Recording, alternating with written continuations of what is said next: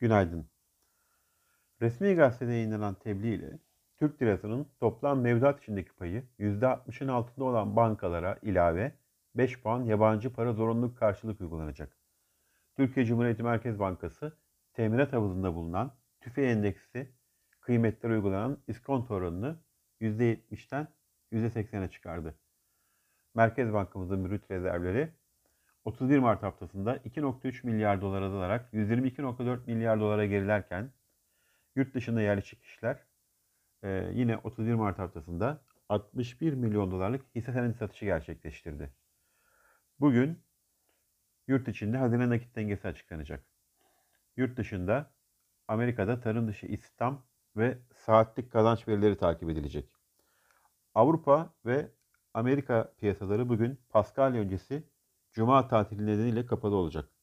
Amerika'da vadeli endeksler ise işlemler devam edecek ki e, bu sabah yatay işlem görüyor.